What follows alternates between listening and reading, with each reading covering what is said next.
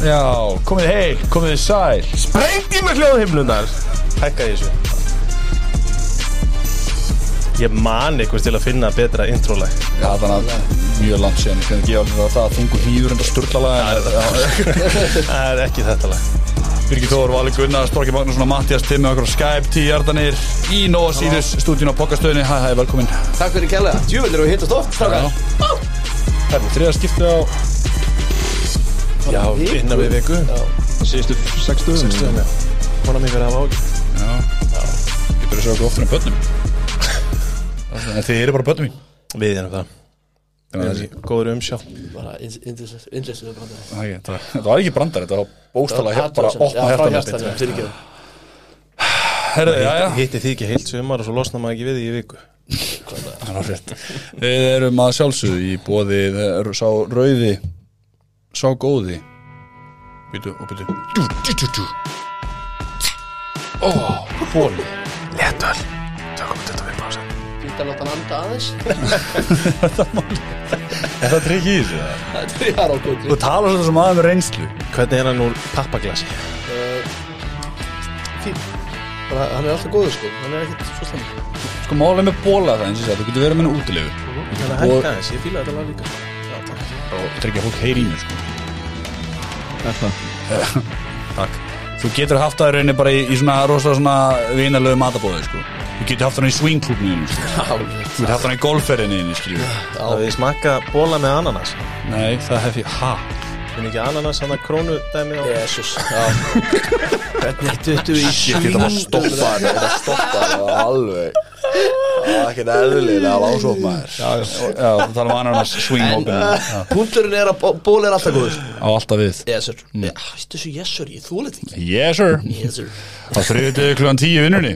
Why the hell not? Amerikan stæl Þetta er ástæðan fyrir að sér okkur oftar en börni Það er rétt. Það er stæl Eina leiðin að þessu. Allt sem þú þarft. Fjóru staðar á höfbungarsæðin Einu stíli sem ég þarf. Er það er Amerikan stæl Ég elska að við erum fann að hitta svo ofta Við erum fann að endur taka hérna Öllisinga þetta er bara varðið punktur. Já, ég, 100% hann er ekki rángur Það er ekki, ekki vitlausari Ég keiriði framhjá hérna á höfðanum og þar. Mm. skrúðu niður rúðuna, setti nefn út Vel gert, vel gert, vel gert. Vel gert byggja minn. Það er ekki í mér að fara í þriða skipti í vikunni Ég væri ekki að flýta mér. Nei, Ég hef ekki verið að flýta mér að ég hef búin að stokki inn. Já, það er mjög, am- stællin klikkar seint Við getum orðað þannig. Ah, Aldrei. Yes sir. Yes sir.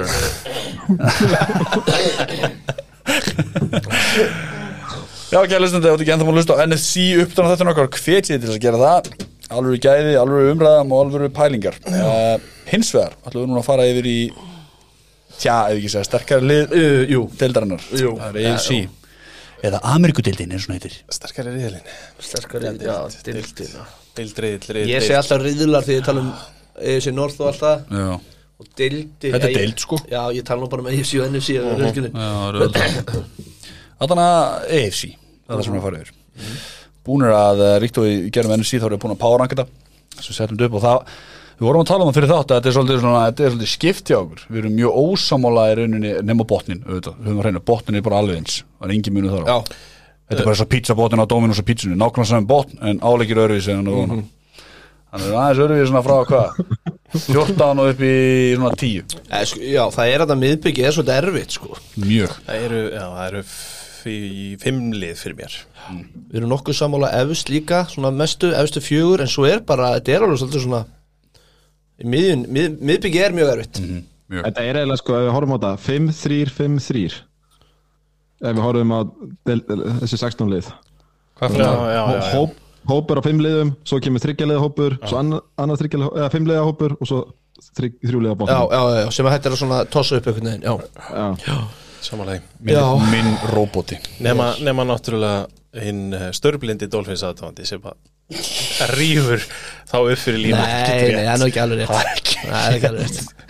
Ekki lægi með menni Nei, ég er að tala um að eðilegur 5-3 kenninguna.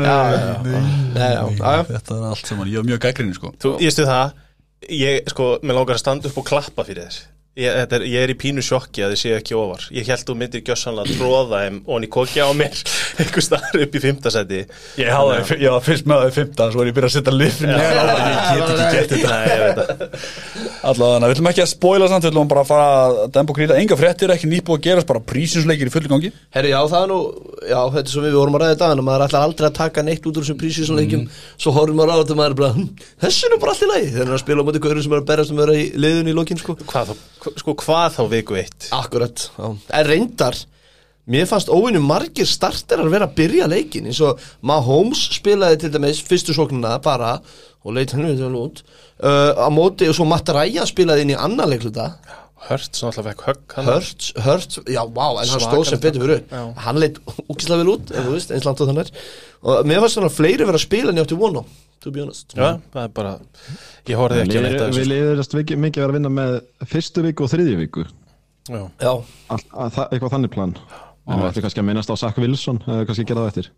Nei, ekki ná bara núna. Við þurfum ekki að frétta þannig en Sack Wilson, þetta var ekki eins alvarlegt að var haldið það Nei, já, Nei, að tala um stefna- crossbund slit Fyrir byrjun sko. Stefna á að hann spili jafnvel bara viku eitt sko. Já, hann er fyrir aðgerð. Það fer eftir, hann er fyrir ekki í dag en þetta gæti verið 2-4 vikur að, kannski aðeins lengra.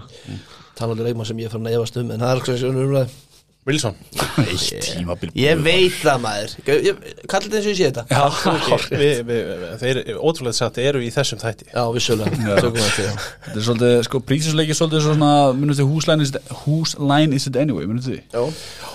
It's a show where everything's made up and the points don't matter. Þetta er svolítið þannig með prísinsleikinu. Og ég vissi ekki hvernig með þetta ætla að gefa þetta Já, takk. er Ég las þetta á skjánum hjá þér Er þetta að skrifa þetta? Ég man, ég var að rifja upp.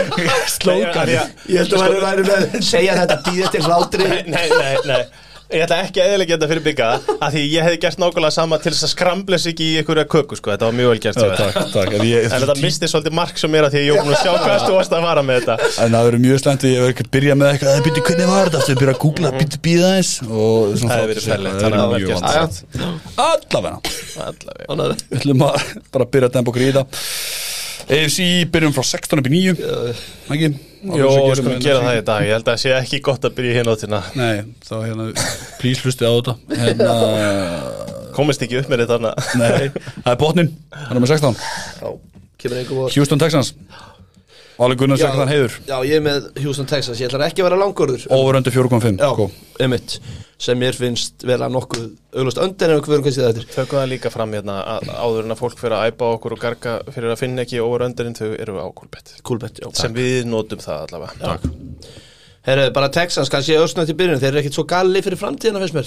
Þeir fengu hérna þrjú first round fyrir hérna Fyrir Watson uh, Third og tvö fourth uh, Eru með Davis Mills í QB Sem við kannski aðeins betur yfir eftir Sem er ekki galinn QB En ég held að þeir munu drafta QB á næsta ári. Svo vannmenni ég, ég, ég veit ekki með það, eða ofmötni Fyrir að tíu hvernig við tölum við hann er búin að spila hálft tímabilið eitthvað, whatever. Og hérna, ég gæti alveg gert eitthvað í framtíðinni En þeir munu ekki geta neitt í ár.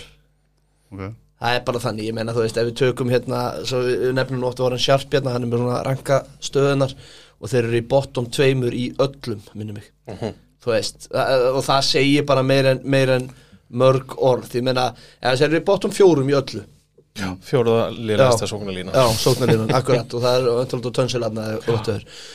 Herru, hérna, þannig að ég hef ekki vona miklu frá þeim og þeir eru, og til að bæta gráu og svart kannski hjá þeim fyrir þetta tímbil þá eru þeir með fyrirfram fjórðu erfiðustu sketsuli sem þeir spila móti. Já, með mitt og, og þú veist, ég veit bara ekki hvar þeir eru að fá sigra. Þeir gætu unnið Bears, þeir spila við þá minnum Já. og þú veist, og, og Jacksonville hugsanlega, þú veist, og svona en, en aftur, ég, ég, ég, ég gerir bara enga kröfur að þær, aðrar en þær að Já, við tö- tökum það kannski í breykot kandidatum eftir. Uh, Off-season headline hjá þeim. Ég ætla ekki að nefna ákveðin mann hérna Ég nefna hann setna uh, En ég tók að þeir ráku David Cully Þjálfana sinn. Það var ennþá, mér finnst það mjög steikt ákvörðun uh, Aftur Eftir eitt tímabil og reyður Lovi Smith Sem að verður defensive coordinator og head coach. Hjá þeim. Einu saman maður Einu og saman maðurinn. Já, já. Og hérna, og ástæð uh, Sorry, Matti? Þetta, þú veist, David Colley og Lovie Smith er nána sami maðurinn, sko. Þú veist, þetta er nákvæmlega, þetta er svo mikið hliðaskref þeir eru ég bara að býða eftir að það sé socially acceptable að ráða Josh McCown þeir byrjast ekki geta beðið eftir að láta hann skrifa undir samning. Alveg rétt. Með grunar einhvern veginn að hann kom hann inn á næsta ári með nýjan QB og eitthvað, þetta, þú veist, ég held að þeir, þetta ár sé bara pönt, þeir eru bara að býða eftir að geta farið í drafti á næsta ári. Já, sko, málið er að David Cully gerði nefnilega ágættis hluti þú veist, þeir voru ekki eins liðlir í fyrra og við heldum og, hérna, og það var talað um að hann hafi rekin af því að hann vildi ekki gera nægilega mikla breytingar á coaching staffinu fyrir þetta tímabil og vildi ekki einhvern veginn aðeins breyta sóknarleiknum og svo leiðist, það var eina ástæðan. En þeir voru alltaf að fara að reka hann, það voru, óvinnilegur samlingu, það voru tvö ár sem voru garantí tjá honum, Já. þannig að vonandi hann var bara í þessu, en mér fannst að ég tók það sem off-season headline að því við tökum annað off-season headline setna í ykkur tíman í og þau sem tekið vel hingað Já, og tekið, Það tekið off-season hérna headline. vel hingað Það til er annað með David Coley, hann er 66 ára. Þú veist, þetta var ekki ungur og efnilegu í bölkaður Já, hefur örugglega bara nokkuð fínt. Herru, breakout candidate, það er Davis Mills. Uh, Hvort að hann á að sína það og sanna að hann sé actually bara alveg QB í þessari deild en, en núna kannski getur ekki umræðan ég held að þið munu drafta QB á næsta ári. Þetta er stert þetta er Já. fyndin, fyndin ferill, þú veist, hann er draftaður í third round sem einhver backup svona, þú veist, svona pínu eins og hérna þú veist, þetta er bara svona basic pocket passer svo eina ástæðan fyrir að hann fekk að spila út af að læknir stakk Tyro Taylor í springuna.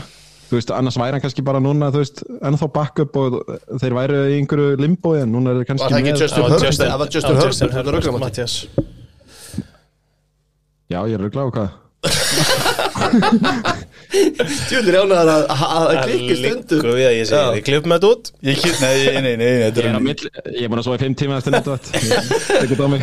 En, en já, allavega, hann, hann er hann er hérna, hann þarf að sína að sé eitthvað, en ég endur tek þeir verða með gott pikk á næsta ári og þeir eru að fara að drafta QB Þú getur ekki, þú getur ekki hvað að segja, þú getur ekki sannfært sjálfa þig eða, eða tala fyrir því að drafta ekki kortabæk Nei. eða þá ofalega í þessu kortabæk hann þarf að eiga helviti gott tíumbil fyrir það og þess sett ég henni breykon það er bara flott. Það var líka náttúrulega Heyrðu, akkur verða þeir ekki góð, góðir? Þeir verða ekki góðir, skrifa ég.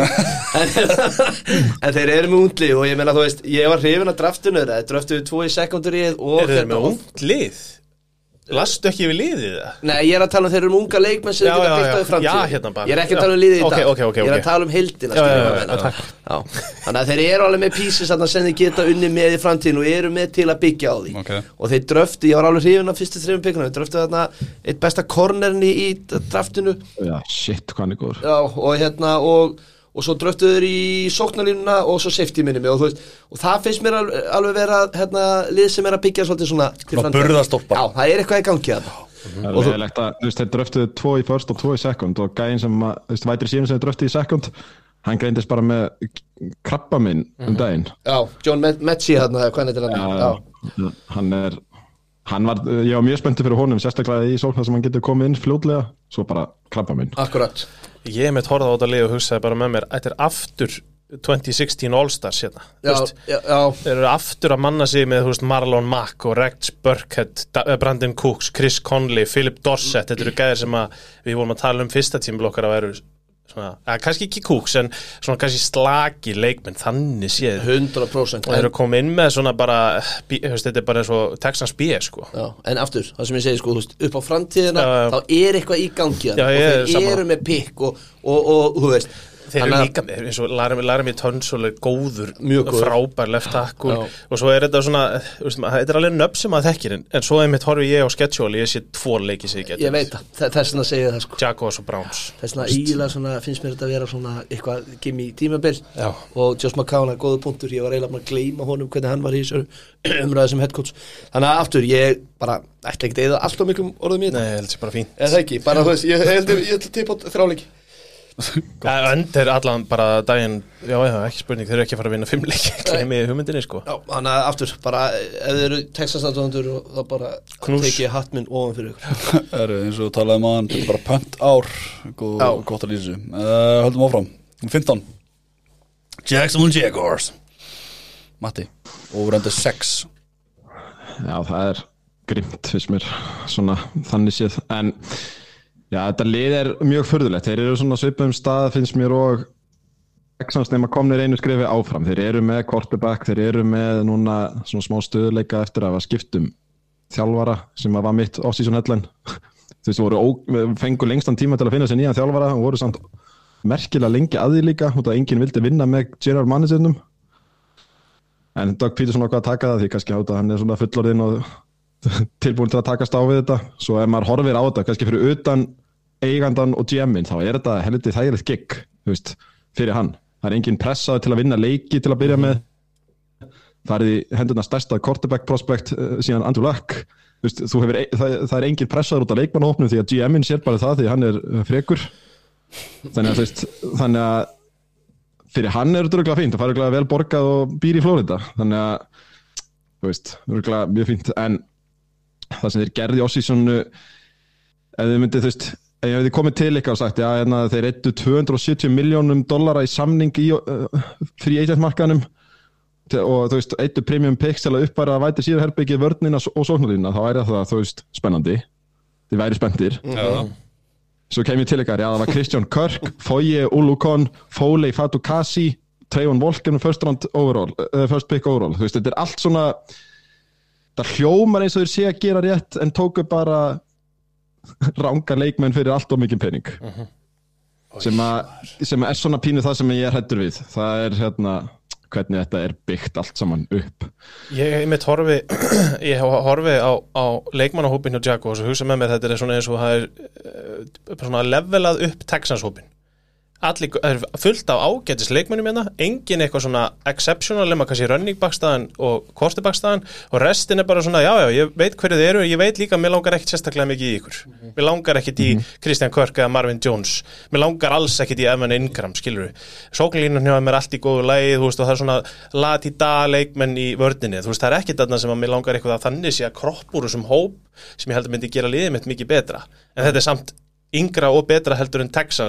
að ég að ruglið sko, eða liðið Já, já. Þeir eru nefnilega alveg með þú veist, fín, fínasta sóknulínu þannig séð með að við lið sem er spáð svona neðarlega og þetta er þú veist Mér finnst eins og þeir sé að byggja upp liðið eins og Trevor Lawrence sé búin að sína okkur það að hann geti tekið með að leikmann og gert hann góðan eins og, við, veist, eins og með maður Holmes til dæmis og þess tennig mm. þetta eru svona B-leikmenn sem að þeir vonast til að hann ger eitthvað úr sem er fyrst skrítið því að hann er núna ekki kannski búin að sanna það og er á ódýrum samning á meðan að Mahomes, þú veist, er akkurat öfugt, þeir er að vonast til að hann taki upp leikmenn á lágum samning því að hann er orðið svo dýr, þú veist, ef, ef, ef, ef þetta make a sense.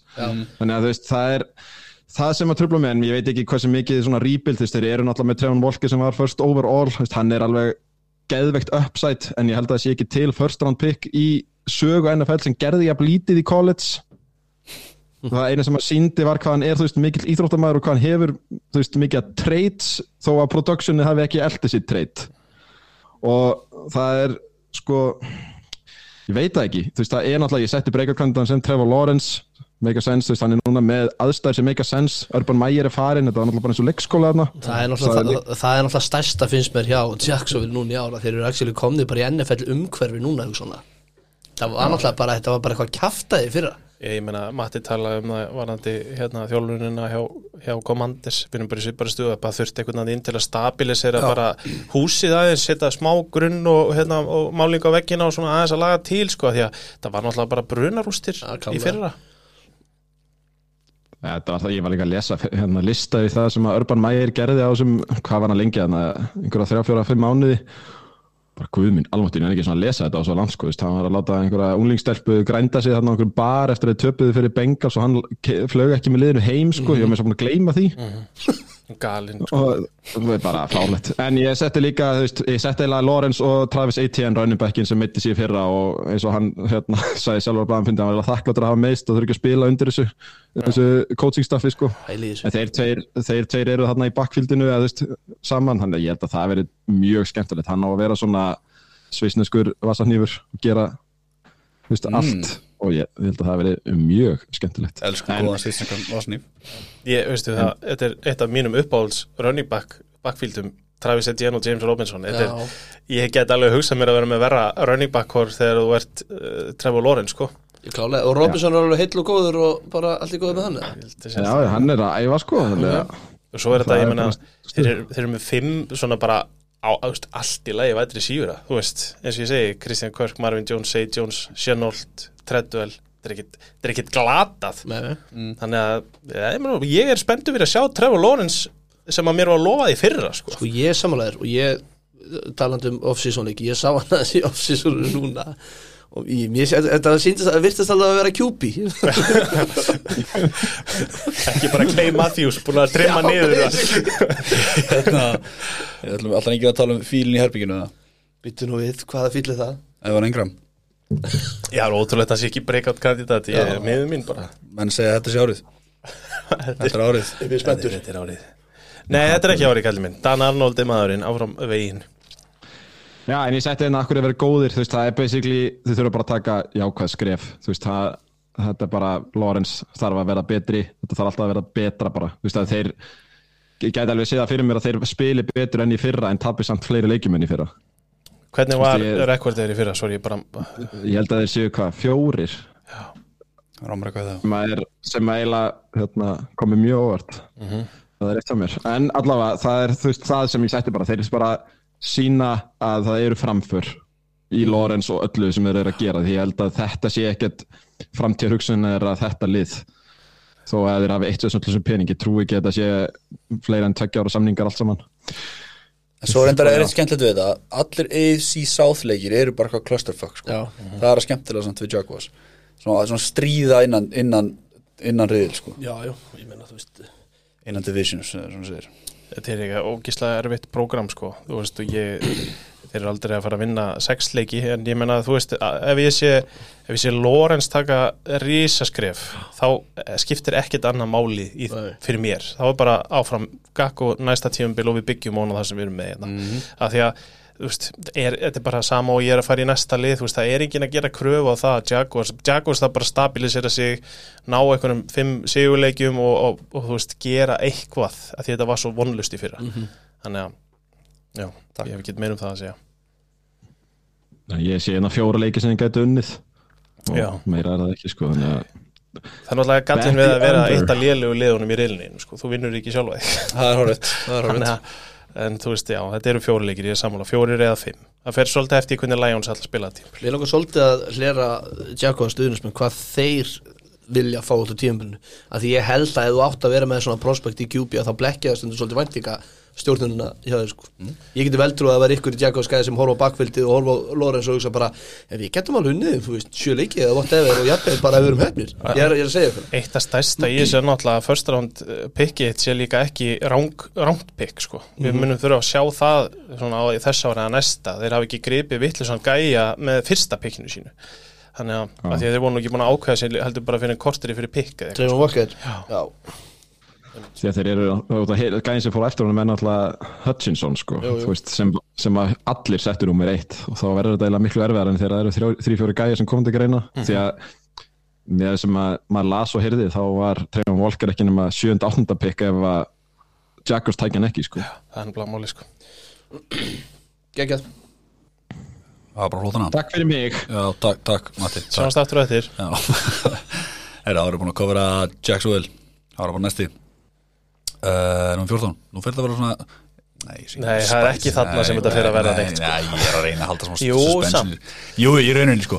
14, uh, New York Jets. Já, Over under 6, kalli minn síðasta sem þú gerðir, að ég gerði á nú íttir á rekord var að færa á fyrir ofan Jaguars að því að ég laðist aðeins yfir þetta lið. Og þetta er lið sem skartar lélegasta rekord í dildinni síðan síðustu sex árin 27-70 og talandu rekordi þeir eru mínus 817 stig á þessum sex árum wow. og hérna þannig að svona bara til þess að byrja þetta á einhverju, ég meina þarna erstu aftur með lið sem það bara sína okkur eitthvað þú veist, þetta er búið að vera það lélegt síðustu árin að þeir þurfa bara að koma inn og vera þú veist, Sala þarf að sína okkur að hann geti byggt einhverja vörn og þeir þurfa bara að vera betri heldur en í fyrra Er er pressa á Sala? Þetta stela síðustu spurningunni minni sko. Nú, ok, sorry. Ég spurði henni í lokin sko, hvað þurfa þær að vera góðir til að Sala haldi vinnunni? Og fyrir mér, þú veist, skulum ég bara svara fyrir mína parta, þessi vörn misti rosa mikið í fyrra og nú er búið að bæta heldur betur við. Þeir eru búin að fá aftur tilbaka hann hérna, hvað heitir hann sem að var Edsrössin hann, uh, ég finn það ekki einu sinni hérna. Karl Lawson, hann sleit hásinn eh, fyrir tímabili fyrra. Hann átti Stóra, að vera hann átti að vera bara defensive endin eða edsurössinni sem að þeir voru að býða eftir. Og núna er hann bara að koma aftur og Jermaine Johnson er að koma inn sem nýlið þannig að allt í eru þeir konum með tvo sem getur rössja passirinn eitthvað sem að þeir voru bara ævintýralega lélegir í fyrra. Ef við skulum bara byrja hérna efst á þessu þú veist fyrir mér er off-season headline bara draftið. Fyrir mér bara á pappinum er þetta bara magna draft þeir fá fjögur pikk í fyrstu 40 og þeir ég held þeir gera ekki drá þeir taka bara rétt pikk þeir, þeir taka Sos Gardner, Conny Back nr. 4 Garrett Wilson vætri sífi sem á að vera mjög góð nr. 10 svo fellur Jermaine Johnson þannig að þeir rífa sig upp og taka hann nr. 26 og rífa svo Breeze Hall til sín sem var besti í running backin í snemma í annar umferð og það er bara allt fyrir mér rétt hérna í þessum Ja, algjörlega líka setja svona leikmenn í stóra stólpa skilur þú veist, Garð Wilson á að vera allan að því prospekt upp á framtíðan að gera. Algjörlega. hann er mögulega komið framtíð á what is yfir eitt Jermaine Johnson á móti eins og tala um á móti Lawson. Ég, ég, ég, ég, var að gleyma þessu draftið, þetta er sturla draftið sko. Það er nefnilega málið. Ég setti það bara þau getið talað um hérna ævintýri Wilsons á, á sem sem hérna sögulínu sumasins þegar hann fór á vinkunu mömmu sinnar en, en þetta er tala um, tala um milfandurinn miðfandurinn en hérna ég ákveða að sleppa í en samt ekki. Það er reyndar alveg off-season headline, já, alltaf. Það var feitt sko. Uh, Breakout kandidatnir eru margir. Ég tók tvo, það er Sos Gardner sem er að koma inn sem cornerback hérna Við rættum hann ítalega fyrir draftið Hann fekk aldrei á sig touchdown í háskóla. 1059 snöpp í coverage og leiði ekki eitt einasta stig og leiði passirreiting upp á 31,8 á þreymur árum. Veist, þetta er bara gæja, hann er vel juicy og er að fara að koma inn í vörð sem sárlega vantaði cornerback. Og svo kemur Johnson inn og, og þú veist, eins og ég segi, bara setja enga pressu á quarterbackinni mm fyrra. Og, og, veist, og hann og Sos bara beint inn í liðið, bara ásatnir í sínum stöðum og fá bara sína okkur strax í fyrsta leik hvað þeir geta. Þannig að það eru breakout kandidatinni mínir. Maður hefði getað tekið Wilson inn í þetta líka, maður hefði getað tekið Bríshold, þú veist. Mér finnst bara Jets liðið vera breakout kandidatar einhvern veginn bara, þú veist, ef við tökum bara liðið Jets Ég er rosa fegin af þessum þremur, þá fekk ég Jets, af því að það er ljós í það, sko. Veist, það, það, gæ, það kæmi mér ekkert óvart ef að þetta væri einhvers konar spútninglið hvað sem það þýðir í, í því óri, skilur hvað ég meina? Algjörlega og bara á síðasta ári, veist, þetta var bara ferlega daburt, þetta var fjórið 13, mikið af meðslum og svo Sack Wilson alltaf kom inn og kastaði bara einhver 11 interceptions bara hann í fyrstu, veist, hvað var það, fjögur og fjögur í fyrstu þremur leikjunum, þetta var bara eitthvað alveg agalegt og, og ég myndist á það hérna, munið ekki þegar að Mike White mætti inn á, oh, kastaði fyrir rúmlega 400 jöldum, greip 2 point sending og vann Bengals þegar Wilson var kipt á bekkin, þú veist, maður var bara hversu slakur er Wilson þegar Mike White, sem ég held basically að væri bara podcastari og mættur hérna inn á og spilaði eins og engil, sko. Eh, Nú, nú hef ég ekki White mjög mikið með, mjög mikið með Jets, ég skal alveg viðkynna það en, en hefur Sack, hefur Sack Wilson sínt eitthvað? Já, hann hefur nefnilega gert það. Er það? Hann er með helvítis hendi og hann getur alveg spilað þetta en það eru ákvarðantökunar í fyrra maður svona virkaði bara Ég man nefnilega ekki því Já, og, og sóknulínan hjá þeim náttúrulega vandaði hann uh, Beckton og þú veist þetta var bara einhvern veginn slagt í byrjun já. og ég held að hún, þú veist, hann næstu með gæja sem bara var ekki með neitt á baku sig, þú Mhm. veist, við höfum oft talað um að gaurar þurfa nokkra leiki og koma svo inn bara um að tala um að með, ég var að tala um að með Falcons hann var bara ekki tilbúin Nei, nei. maður vantar. Beckton já, það sem að fólk hafði svona mestar áhyggjur á hann var þú veist, hann var í litlu college-liði með mögulega bestu sóknarlínuna í college-boltanum á móti einhverjum pípurum sko. Þú veist, það var það sem að var helsta vandamáli og það síndi sér alveg þú veist, hann já, eins og Kalli sagði, ákvarðantakan var eiginlega hans versta, þú veist, hann er pínu svona eins og Johnny Football, ég var að vonast til að hann væri með Johnny Football með haus. Þú veist, þetta, æ, fokki, það er einhver staðar hann að hugafarið er ekkert alltaf að virka í NFL algjörlega eins og það, hann var svolítið mikið í því í college. Svo er þetta bara running bastaðan mjög efnilega. Brís Hall, klálega nummer eitt. Michael Carter átti mjög fínan setni hlut á tímbilni á meðan í Fantasy, hann skilaði mér hauga stigum. Uh, Vætri sífestaðan, þetta er Elijah Moore Garrett Wilson, þeir báðir 22 ára báðir ungir og efnilegir er að fara að taka 1 og 2 þarna. Svo er þeir með, Mór, ég er nefnilega sammála. Ég, sko. Þeir eru bara konum með mjög tvo, veist, bara eiga bara að vera mjög góðir og svo eru með Corey Davis og Braxton Berrios bara svona allt, ég ég þól ekki Corey Davis en ég menn hann er fýtt sem þriði, fjóruði vætri síver, svo fáið CJ Usoma frá Bengals, þú veist, hann er meðsla pjessi, en hann er fínast í tight end en hann er súbólvinnir í fyrra. Mér finnst það að lúmsnefla lúmspúl það er nefnilega málið þeir eru búin að eru tósa til sín bara ljómandi fína leikmenn og svo bara vörnin, þú veist, í fyrra bara eins og slagastæði deildinni og það er á sala svolítið fyrir mér að koma inn, sko. Hann þarf að svolítið að, þar er svarið við spurningunni, þú veist, ok, þeir eru búin að ná sér í fullta leikmennum bæði í draftinu sóknarlega, svo er búin að sækja sér Joe Flacco, ég þól ekki Joe Flacco en hann er samt betri heldur en Mike White á pappirunum sem bakka upp, hann veit eitthvað, kann eitthvað, þó hann var ekki hann sem fór í viðtal og sagðist ekki þurfa að kenna neinum neitt sjáum hvernig það fer.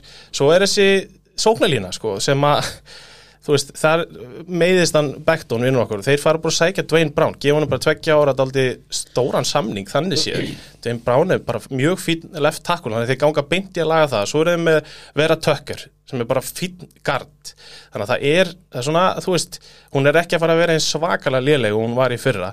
Og svo eins og ég segi bara varnarlega, þú veist það var ekkert að frétta, voru meðsli og annað. Og við erum búin að tellja upp leikmina sem er að koma inn inn, þú veist, ég er ég er ekki að segja over á sexleiki sko, en þetta er miklu betra lið heldur en þessi tvö sem við byrjuðum. Er það ekki svona líka bara að, að það sem fanbase og fleiri þurfa að sjá er bara að þið sjöta hann inn í leikjum? Að það sé ekki jafn klúles svo þetta hefur nú verið undir farin ár. Já, ég, ég meina þeir, þeir náttúrulega eru með AFC East og það eru nú alveg tvölið sem eru bara vel vinnabúl þar að mörgu leiti Svo Já, Bills og Pats, já, já.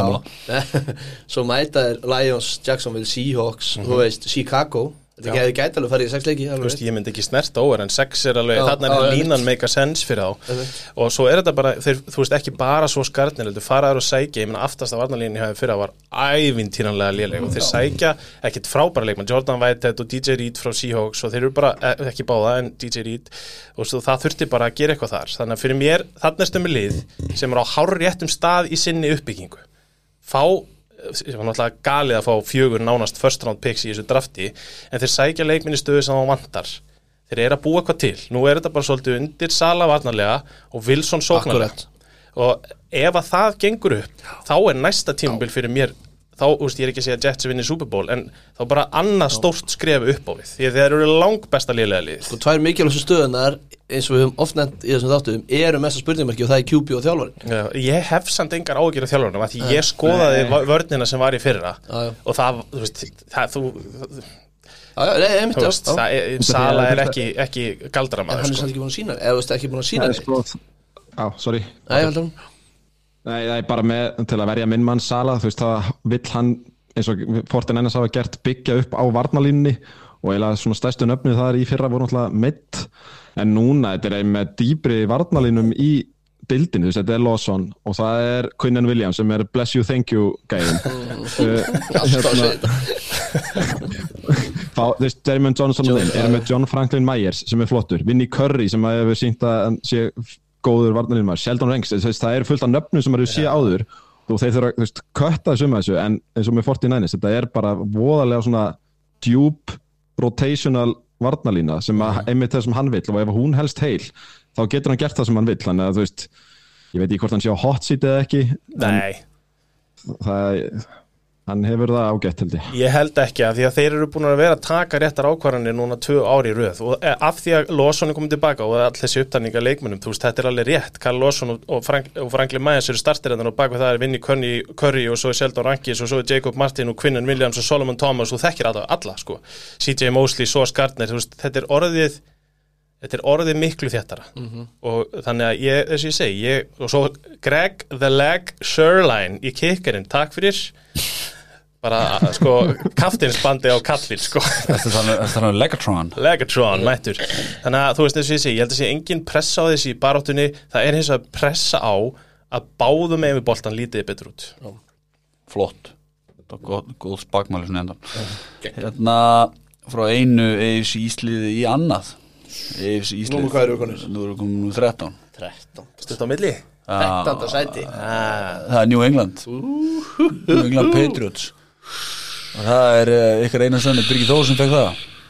Trúið því. 13. sæti lengi kallaðir heitir en það er er. Nei, það er erfið tíma fyrir stóru strákana í New England. Það Mac Jones að fara sitt annað sísón og spurning hvort að verði fórnalambið þessu season 2 slumps. Sá draugur. En uh, sko, ég ætla bara að hera svona off-season headline alltaf það að Josh McDaniels feð frá Patriots eftir eitthvað 21 ár hjá Pats. Það er að 14 sem hérna offensive coordinator mikið stakskipti en, en eins og ég nefna hana með Mac Jones sko það er ekki beint að hjálpa honum að playcallerin er sko eins og virðist vera Matt Patricia og Joe Judge kombóði sko. Það er ekki að gera einunni sem neinunni by the way eru að installa nýri típu af sókn Mhm. til að gera þetta eiginlega ennþá vera sko. Akkurat, það er einmitt að, og ég ætla einmitt að, þú veist, pælingin. Eftir öll þessi ára af þessum double header tight end kombói sem núna er Hunter Henry og Jonu Smith sem var splæst peningum í til að fá í fyrra og þeir eru hana með wide receiver group sem að já, Devonti, já Devonti Parker sóttu hann frá Miami sem að getur eiginlega ekki uh, tekið heilt tímbil heill. Kendrick Bourne, Nelson Aguilar og Jacobi Oh. Myers.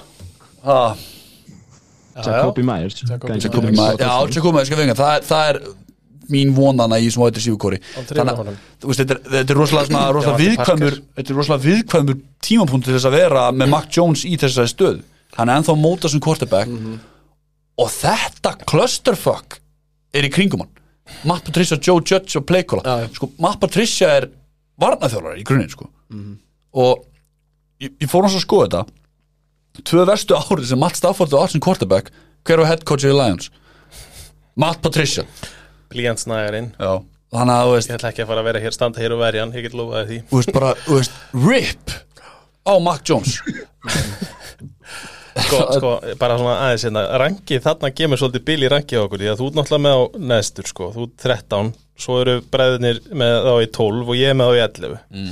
þannig að það er svona, það er já, það er ákveðin maður þeir eru í þeir eru í vesinni, sko, en ég, ég, var, ég, sko, ég ætla bara að láta líka hlustinu við þetta. Við erum alveg búin að vera rótara í páranginu bara í dag. Já, sko, ég samt máli er að ég, ég er ekki að segja að þetta sé gott vætri sífikor en þetta er sama vætri sífikorið og þetta er sömu running backanir og þetta eru sömu tight endarnir og þetta er svipu sóknarlína. Og þetta er Mac Jones á öðru tímbilinu sínu. Og það er þess vegna það er ekkit búið að róta rosalega mikið í kringum hann. Þannig að þess vegna er ég einhvern veginn svona þú veist það Bill er þarna og hann ræður öllu, hann er að segja þessum trúðum sem eru offensive coordinators hvað er ég að gera. Ég heldur að það sé að læra sömu bókina bara með annan kennara. Ég, ég held það ég held að þetta sé basically bara annað árið að nákvæmlega því sama og það hendi Mac Jones bara ekkert verri en eitthvað annað sko. ég, veist, ég, en eins og Matti var að segja náðan það er verið að breyta sóknarskíminu sko. Já, það fer eftir hversu, hversu alvarlega það verður því ég held að það hafi alveg verið í lægi að færa sig frá þessu tveggja tætenda Henry Smith rugli sko. en það er ekki mjög ljós en allar breykkantin minn er uh, Ramonda Stevenson uh, running backin okay. uh, árum með tvö hjá honum og hann virðist vera búin að taka running back eitt stöðuna af Damien Harris að þetta verður svona committee virðist vera.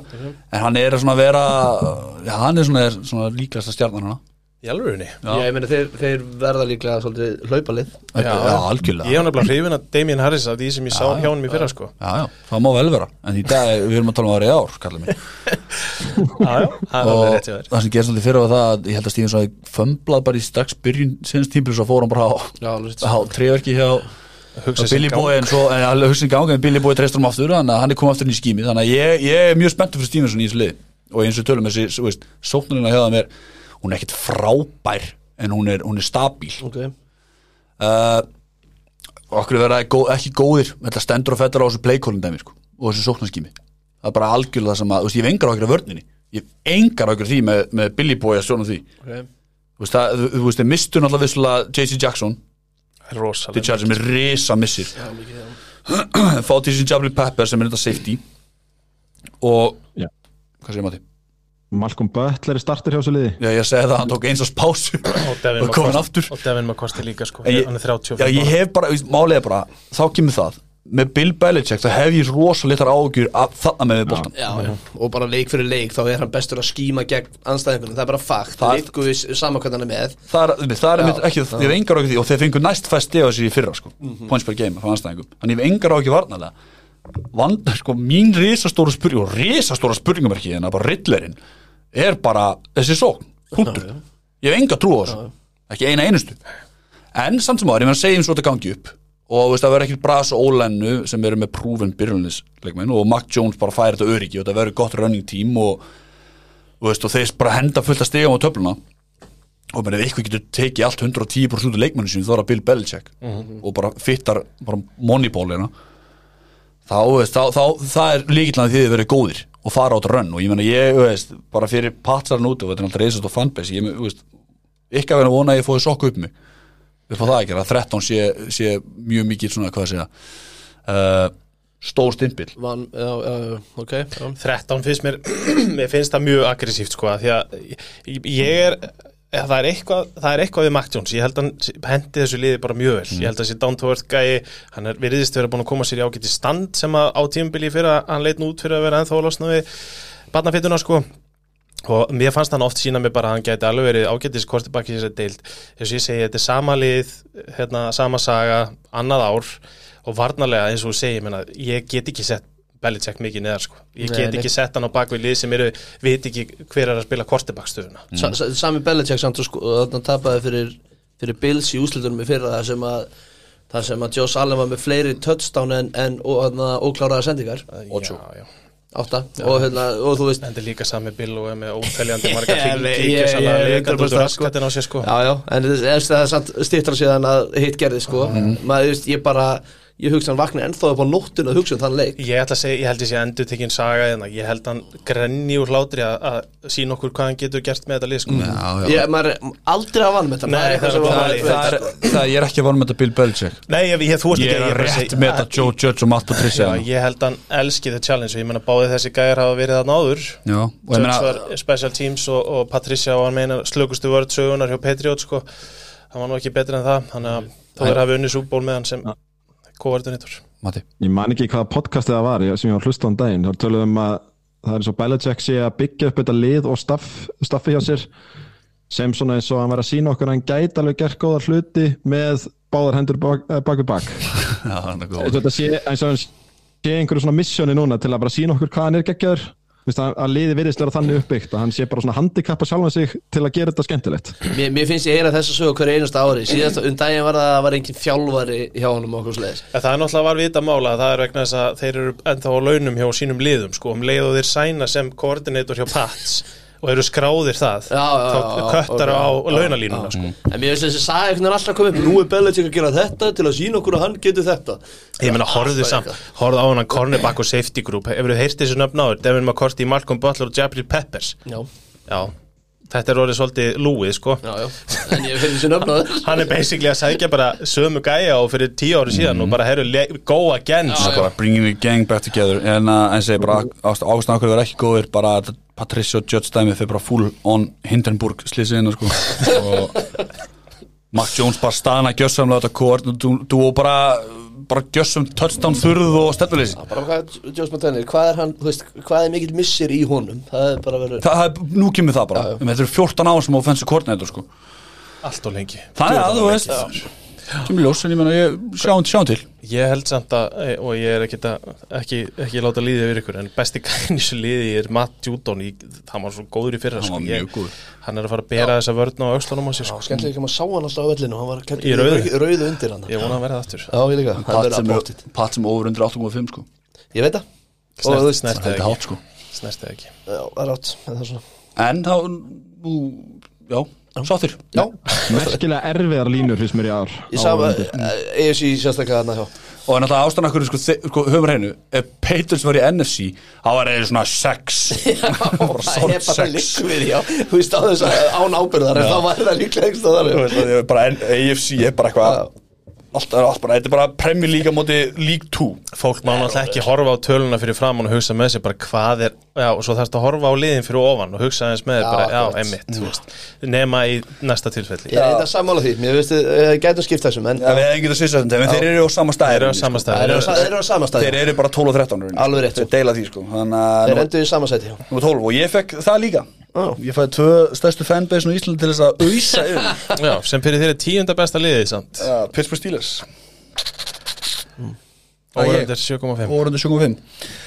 ég- verður 7,5 Órundu 75 Ég veit ekki hvað ég óska Steelers neysin og oft til hamingju með Trubisky.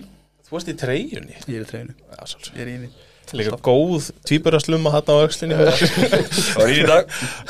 Og Daddy Daycare vaktin í dag. Uh, Off-season headline bara stærsta í Big Ben hættir eftir 18 ár í Pittsburgh. Og uh, Steelers Nation sittur fram fyrir því að uh, fram, fram, fram fyrir miklum quarterback-breytingum. Inn kemur Mitch Trubisky og Free Agency og, og Kenny Pickett úr draftunum þannig að þetta er, þetta er þetta committee, þetta verður Trubisky, Mason Rudolph eða Kenny Pickett. Hvernig, hvernig, hvernig getið þið sett þetta lið fyrir ofan þú veist, bara Bara Patriots? Já, ég meina maður, Titans og eitthvað Það er maður. fullt eftir maður. Kevin Colbert hættur sem GM og inn kemur Omar Khan Það er líka annað ofisísun hellarunni sko. Það, sko, ef þú horfið samt á þetta þá er bara einn maður sem setur Steelers fyrir ofan Patriots hjá okkur. Og það er The Bee. Nei, er það ekki byggið Eða ég. Nei, sem setur Steel, þú veist, við erum allir með Patriots fyrir ofan Steelers nema Biggie. Ó, já. Já, já, það Já, er þetta er samt allt því sem veistu, allt sem eru unnu sko. Þetta er þessi sama sæti, en já, ok, já. Þetta er sama sæti. Það er algjörlega handóskent ég tók Pats fyrst, ekki takk sem persóna Þetta er bara stemningi uh, Breikakandat Sko með við hæpi sem eru séð hingað til á samfélagsmiðlum og treiningkamp þá er þessi George Pickers bara eitthvað skrýmsli Já, já, já hann er sturlaður. Bara, veist, hann er bara hérna, stökk við menn í einhverjum drillum og tótepp í prísísunleikjum og Þetta var svakalegt grip hjá honum hann í, já, tótappi sem við vorst að tala um og líka þegar hann bara, uh, bara valtaði yfir einhvern kornebakk það er líka náttúrulega. Hann bara kasta honum í jörðina og, og fór svo bara hlæja á honum. Já. ég þarf að setja þetta á Instagram hann er nefnilega alveg fyndin típa sko það var svona sem að dróa eða niður í draftinu var hvað hann er rugglaður. Hann hefur svona þú veist, ef ef einhver þjálfari getur haldið honum niðri þá er það Tomlin eftir að haldið Antonio Brown niðri sko. En það var svolítið það sem að fólk og að Packers treytuðu upp og tóku hérna Watson, Watson og held ég að vera að gera það fyrir þennan sko. Af því hann er blocking og eitthvað síður líka, ekki? Þú veist, alveg Jó, þvílíkur hann er bara rugglaður sko. Hann er alveg, hefur eiginlega allt sem þú vilt nema kannski hausinn skrúðan rétt á. En hann er að gera góða hluti eins og segir En, en mér finnst nú helviti slengt séð að taka nummer eitt pick Þetta og nummer tvö pick hans. Þú veist, ég, mér finnst að Ég er búin að ruggla svo oft að Ég er já, þetta er helviti svæstir síður þetta er bara enn og aftur þetta er svona enn og aftur bara Patriots að- að að drafta wide receiver í second round Uh, sem er bara Steelers, já, Steelers. fyrir ekki sem virðist- sem virðist vera bara slam dunk Já, já, ég meina Já, þú veist, þetta er bara, það er alltaf eitt lið sem að maður hugsa, þú veist, hvernig náður þessum gæði, það er bara smelt passar hann inn mm -hmm. Sáum hversu geðvíkur hann er. Mm. og þetta vætir síðukor út að fara yfir og eftir, veist, þetta er alveg nett, sko. Þetta er mjög gott receiver kort þetta er rosalega gott receiver kort sem við kalla það sem það er. Uh, Akkur verða góður, ekki góðir. Uh, sko mesta gjáðan sem margir að tala um þessi greiðslu milli sóknar. Sem- sem að liður að greiða leikmennum í sóknisni versus vörninni. Þetta er bara sturlu gjá sko. Og og einhver ástæði núna sko er ég svona velta fyrir mig þetta, ég veit ekki alveg að velta á hverju kortebæk því allt er Mason Rudolph eða eitthvað þvílíkt treiningkamp og menna að tala um það að hann getur verið QB1 sko. Þess vegna er ég svo sammála að kalla sko, Þegar við vitum ekki hver QB er Þú veist, og, og vali stendur á milli Rúki Mason Rudolph og Mitch Trubisky Þá get ég ekki verið eins spenntur fyrir og liðið að mörgulegt ég gefið til kynna að maður gæti verið spenntur fyrir okay. Já. Þetta er bara svo stórt spurningum Nei, ég meina, og, og maður á ekki að smittast ég sá highlightin hans Pickett sko. hann allavega síndi mér að hann getur spilað þessa stöðu, þú veist hann, hann virkaði bara nokkura kostunum hans voru bara mjög solid og þú veist þannig að ég myndi ekkit þú veist, Mason Rudolph er alltaf ekki að fara að starta. Bara ef hann startar þá er eitthvað að. Maður hafa það alveg á hreinu. Ég held eiginlega að, að sú, sú tilhörun sé bara held það að- skipið búið að sigla og, og næstu maður er bara að það mitt bara fleita ég fram að ef að ég myndi og ég vona að Kenny Pickett fá allavega síðustu nýju leiki tímabilsis þú veist, hann mun spila eitthvað á tímabili og vonandi bara alltaf mikið í lokina því ég held að það sé eina vonin, ég er ekki að segja að vinni súból en það er eina vonin fyrir þá þess að sína okkur eitthvað því að minnst, Já, ég meina, sko, Mitch Trubisky Þú veist, hann er, hann er vettirann þetta er ekkit sérstök sóknarlínar fyrir framunnan En þarna hefur hann allavega góður til að henda á sem þú ferði yfir restaðags Og þá hefur hann ekkert veist, og ég skal alveg viðkenni ef að Trubisky er að fara að byrja þarna Þá er ég miklu spenntar fyrir Pittsburgh heldur en ella og kannski bara út af þér, ég veit það ekki. Takk. Ég er búin að tala um þetta áður, þessi legasaga með að hann sat á raskatinu hjá Bills í eitt ár og fær bara startingstöð hjá Steelers akkurat, fyrir það galið. eftir allt sem að sínda okkur á Bears er fucking rugglað Já, það er fucking rugglað Það er bara, þetta er, þú, þú verður betri kjúpi með því að spila ekki það er bara eins og einhver hefur bara, hæru, hann fór í meðferð í eitt ár og er komið tilbaka, hann er breyttu maður. Men nei, alls ekki. Það er alveg bara þín skoð þetta er ekki hægt. Þetta er svakalegt, ég geti þetta ekki. Ef ég þarf að horfa á átt að leikja þessu aftur Allan að shit, Það er lokum við augunum, Mitch Trubisky nei, ég ætla ekki að loka neinum fucking öðrum sko. Deontay Johnson, Chase er. Að Claypool það var ekki spurning margir tímabili hvað það myndi vera. Hann verður áfram, Deontay Johnson, Chase Claypool George Pickens eða stifili Pat Frymouth.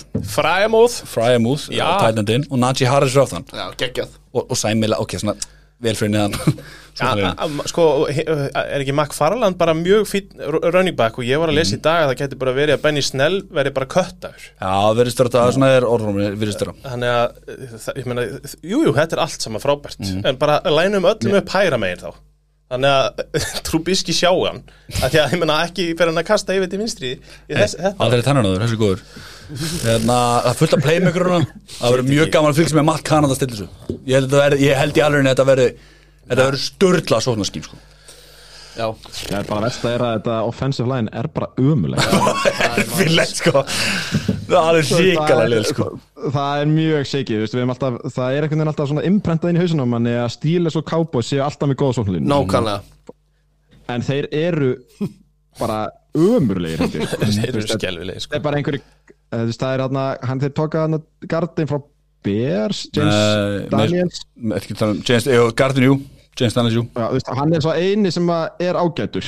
Og hinn er vist bara veist, sem er erfitt þegar þú ert ekki þú veist, þeir fóru náttúrulega úr algjörum turn, stittu í quarterback í gæja sem er ekkert það er kannski það sem ástæðan fyrir að Trubisky er að fara að starta því að Pickett getur það ekki.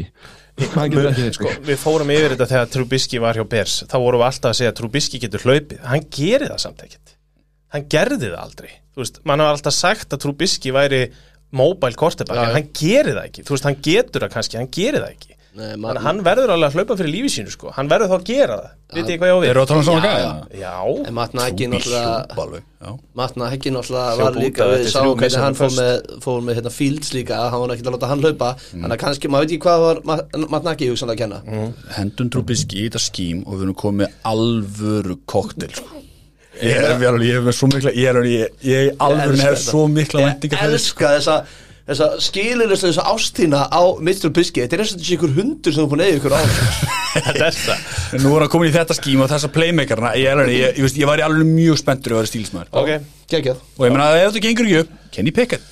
Kenny Pickett, já. skilur. Hva- e- hvað séum við vörnina hjá og, Svo kemur það. Já, Þeir sæna Miles Jack Já. í, í hérna linebacker Hann er með Devin Bush núna. Ok. Það sem þeir, þá tvo skortir eins og þeir eru ekki beint góður off the ball linebackers. Þetta er meira svona run stoppers í grunni, sko.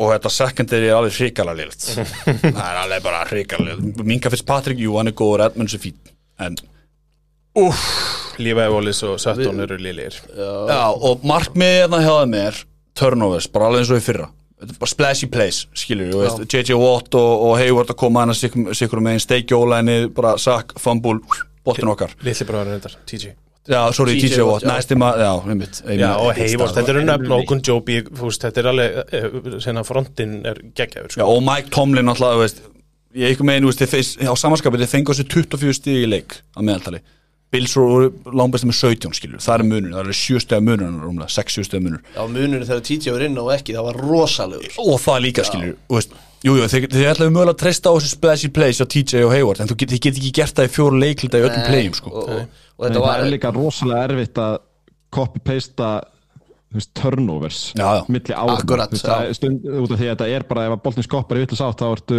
farin úr fumble lost í fu- fumble one sko. En ég meina, þannig að já, og, en TJ Watt gæti verið næst besti varnamæður í þessari deild, Já. þú veist. Aaron Donald er bestur, verður alltaf Já. bestur, en TJ gæti verið næst bestur. Já, Algjörlega.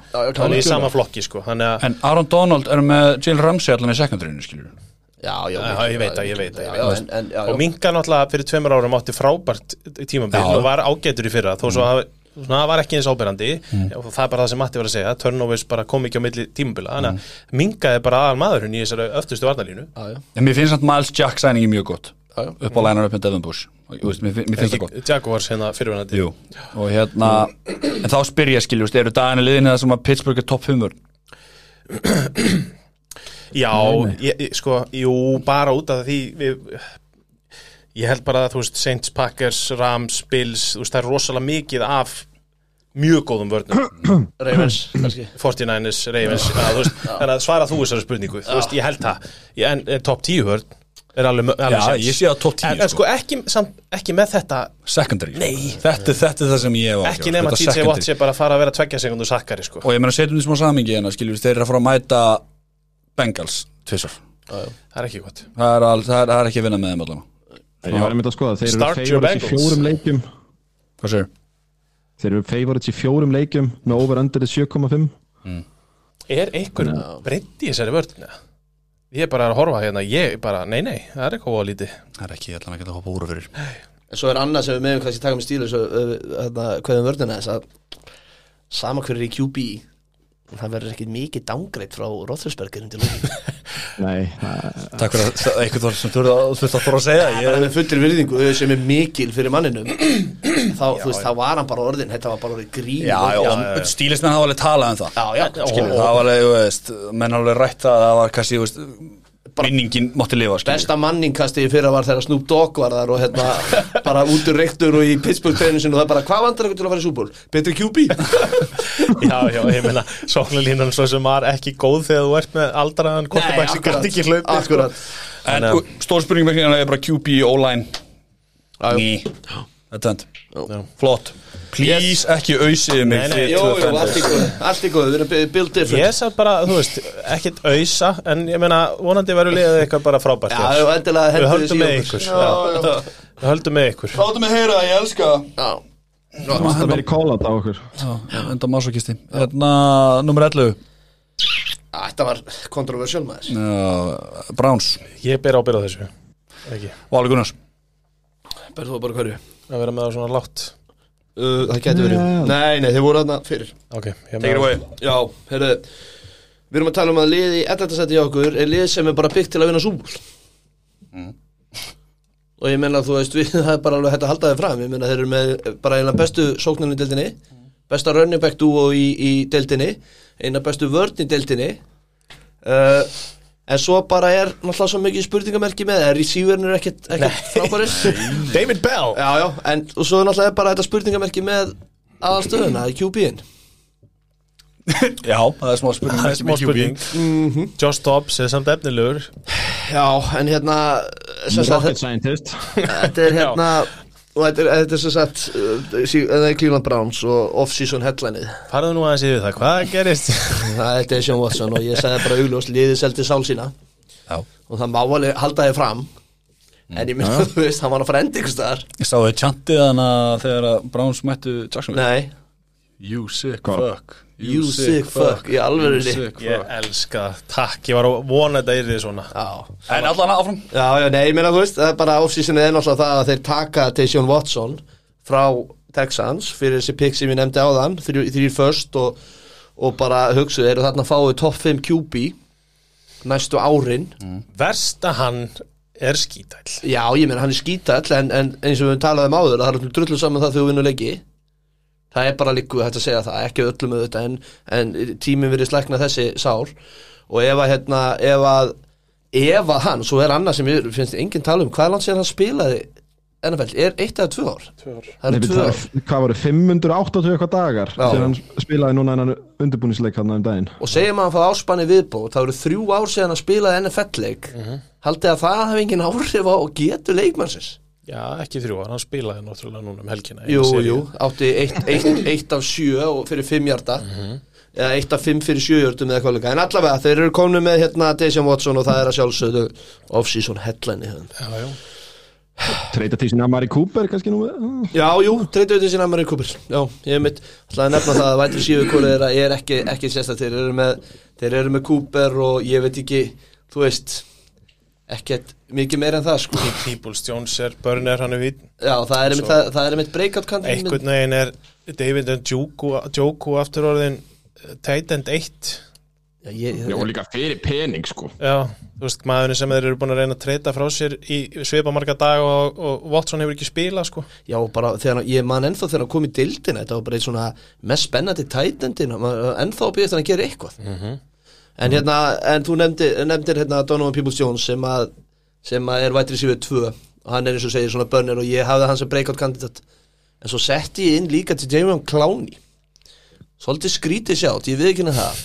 En hérna Svolítið? Já, en býtu, en ég held nefnilega að hann nefnilega var flottur hjá mig fyrir hann endaði með nýju sökki fyrir það káleika og ég held bara núna aftur í þessu systemi og Browns hættu í fyrra ég veit ekki hvað þú muni eftir. Alveg. það var alveg þvílitt vombriða tímabilið með fyrra og það virtist bara vera að þær hættu og þegar ég segi breyk á tímabilið á kláni aftur, skrítið, þegar ef hann er á móti garrett og þeir eru með þarna bara flotta, þú veist, bara mjög góða vörn að hann gæti bara aftur orðið nafn sem að bara menn er að tala um bara að alvöru og bara sem alvöru gæi. Hann fekk tilbúð frá öðru liðum en ákvað að semja áfram við Browns. Og ég hlakka svolítið til að sjá hvort hann ná að vera ég meina þetta fyrir um first, round- first overall pick. Já, já, já. Anna líka, þú veist, þessi vörn mun spila alveg tölvöld meira um höldum sko. Ég held að þessi sókn verður ekkert mikið hann á vellunum ég veit það ekki, jú, jú, ég meina þeir munu hlaupa endalöst og með þessa sóknarlínu þannig að tími mun tikka sko. Og, þeir, og þess þá heldur að þeir eru ekki að fara að hlaupa það mikið þá munu þeir vera meira heldur en að vera að kasta meira sko. Já, ok. Ég er bara að tala um með ef að Jacobi Brissett er að fara að starta hann sko. Já, en, en Nick Chubb er að fara að starta líka og já, sóknarlínu er líka að fara að starta. Þannig að ég hef ekkert mikkar ágjör af því og ég held að Browns gæti orðið mun herra en, en þetta En það myndi ekki heldur komur óvart eða myndi enda sirka þarna með Jacobi Það, Brissett er, það er líka alltaf að verða hávar og hávar að Watson sé að fara í þetta árspann Já. og þeir séu mikið að spá í Jimmy. Og um, ef hann kemur inn þá er þetta bara orðið playoff contender eða þú veist um að komast í playoffs. Það er miklu hraðar heldur með Brissett. Þannig að þú veist Já, það ég- er ennþá það, það er þú veist það er hægt að setja það í 14. eða 13. sæti eða 7. Sko. Já, akkurat ég, og ógeðslega erfitt að koma þeim fyrir maður hefur átt að taka það út fyrir sviga þess vegna sko. Já, ég er alveg hjartanlega sammála því en það eru bara flesta veðmálusíður ekki með over under á þá það er bara okkur erfitt að, að rekna það út en allavega af hverju verða góðir þannig að erum við geggjaðan hóp og ef Watson fer ekki út tímabilið segjum að hann fái áttalegjabann, segjum það Mm. þá fá, fá í eitthvað tíma og ef hann kemst inn í systemið að þá gætu þið bara orðið kandidatir í að gera eitthvað í playoffs. Mhm. af því að hann far aldrei minna sexleikjabann, við vitum það allir. Já, og nú er þetta er svo erfitt eins og segi, við erum að tala með Watson spilar. Og jafnveg þó hann spila ekki. Fyrstu sex leikinir eru bara auðveldast sem þeir mæta í, í deildinni. En svo aftur á móti, second dæmið eftir þessa fyrstu sex þá eru þeir með Baltimore, Cincinnati, Miami, Buffalo, Tampa svo kemur Houston, svo Bengals, Baltimore. Þú veist, setni hlutin á tímabilinu er rosalur þungur. Já, og þá er ég að tala um kannski af hverju þau eru ekki góðir. Og ef að Watson kemur inn í þann tíma að þá þarf hann að fara að spila í fyrsta skipti í tvö ár með allt þetta á bakinu komast inn í systemið á móti bestunlega deildarinnar. Mm. þess vegna gæti ég alveg trú að þetta tímabili verði bara ekki alveg nóg gott Nei. en það er eitthvað sem segir mér að þetta verði fínt tímabili Hvar eru við með Stefanski? Það er mjög góð spurning. Alveg bara mjög, sko, mjög góð spurning og það lítur bara að fara að detta pressa á hann. Season 2 Já, ég minna þú veist og þeir voru bara síndu ekki mikið í fyrra.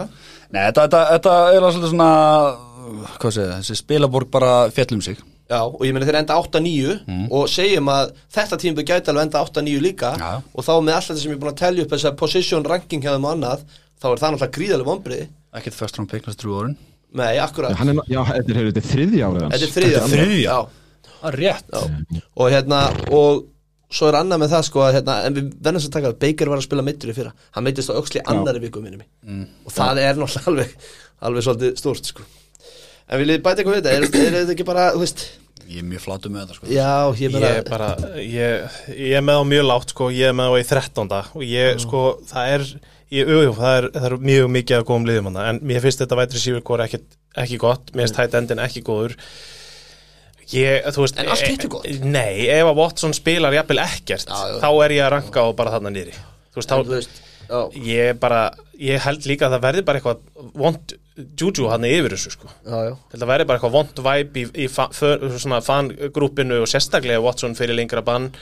Ég, það er þess vegna sem ég rankaði að hann er ég bara, Já, en mér finnst þú ekki það er geta- líka persónulegt sko. Já, klálega, og bara ég virði það og ég bara skilða vel En þú veist, af því ef að vætri sjöfunur kossum er svo lélir þá kannski þurfa það ekki það góðan bara með En ég er samt alveg þakka til að sjá Mari Cooper hann sko. Já, já, já, og ég tala lítið um það er, hvers, þú veist, ef þú tekur bara vætri sífur eitt overall er Cooper inn í þeim hóp?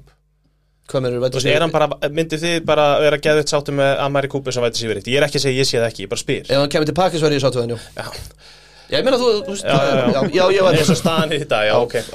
Ég veist, ég bara, mér finnst hann, mér finnst vera svona Juju líkt á honum, Juju Smith-Schuster Þú veist, hann er bara frábær vætið síðu Frábært fyrstur Já, ég skilja nógu góður til að það, ég vera skilja núna. það En ef þú ert með alvur, alvur í QP þá held ég að hann væri bara flottur sjöfur, eitt Þú því að hann er góður, ég, ég er ég, að skil, segja hann ég skil alveg hvað hann kemur. Já. En að því þú spyrir mig þá pakka Já, saman ég veit að hann. er hræðileg spurning Beina þessari spurningu eitthvað annað bara. Tyreek Hill, ég hefast um að Já, það er málið, sko, Tyreek Hill er vætið síður fokking Díbo sko. Samuel, ég hefast um það líka. Já, nákvæmlega, þannig að þú veist En hann er, hann er mjög góð vætið síður Yes. Og bara fín þá vætið síður eitt. Ég myndi ekki vera geðveitt sáttu með hann. Nei, flott, snild Áfram, Yes sir. Næsti. Fram. Áfram, næsti, nummer tíu. Sem er reyna, já, Tennessee Titans. Já, þú ert ekki sáttu við það? Nei, Tennessee Titans, kalla minn over under nýju Já, sko uh, Förum bara beint í, þú veist, off-season headlineið. Ég veit ekki hvort þið eru ósamála mér eða hvort ég er að gleyma einhverju Þú veist, þetta er bara AJ Brown treyta til Eagles Julio Jones er fann til Tampa.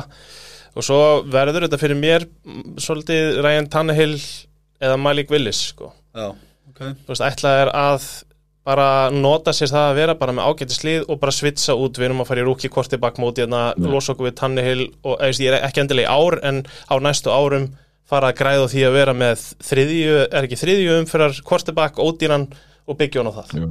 Jú. skiljiði mig, staðan fyrir að vera með 20 miljón dólar korti bak sem er andlit hins miðlungs korti bak sko. Ég held að fá greita 38 miljonum punda. Já. Nei, punda. Það næs Dollara. Nei, þið skiljið hvað ég er að fara. Top 5 dýrasti kortebackin í ár sko Þannig að þetta er veist, þetta er helviti dýr miðlungs quarterback sko. Já, ég meina þeir senda svolítið skilabóð með að taka hann líka. Því að hann er alveg, hann er efnilegur og svo við höfum talað mjög illa um kortebakkana þeir, þeir eru komin í deildinu og við þurfum að tala um þá eins og þeir séu í deildinni. Já, já, já. og ég meina, maður hefur séð eitthvað á honum og er, hann getur alveg kasta og djöð sem hann getur hlaupið, sko. Hann er heldur skrokkur á þessum gæja. Breakout kandidati minn ég sagði bara Traylon Burks og þú veist, hann er að koma inn sér nýliði. Ég held að krafan sé basically hann sé vætri sífur eitt. Þú veist, það er, já, þú veist, þetta er Woods og hann. Og Burks, sko, eh, hann var bara talað um hann eins og hann sé bara eftirherma af AJ Brown. Það sé bara sami gæi. En nú vil ég að spyrja hérna matta minn. Uh, Robert Woods og þú getur okkur svarum líka, minn. Hver er staðan á honum? spilar fyrsta leik. Hann er góður. Ef allt ætti að ganga allavega bara, Já, ætti bara að byrja strax.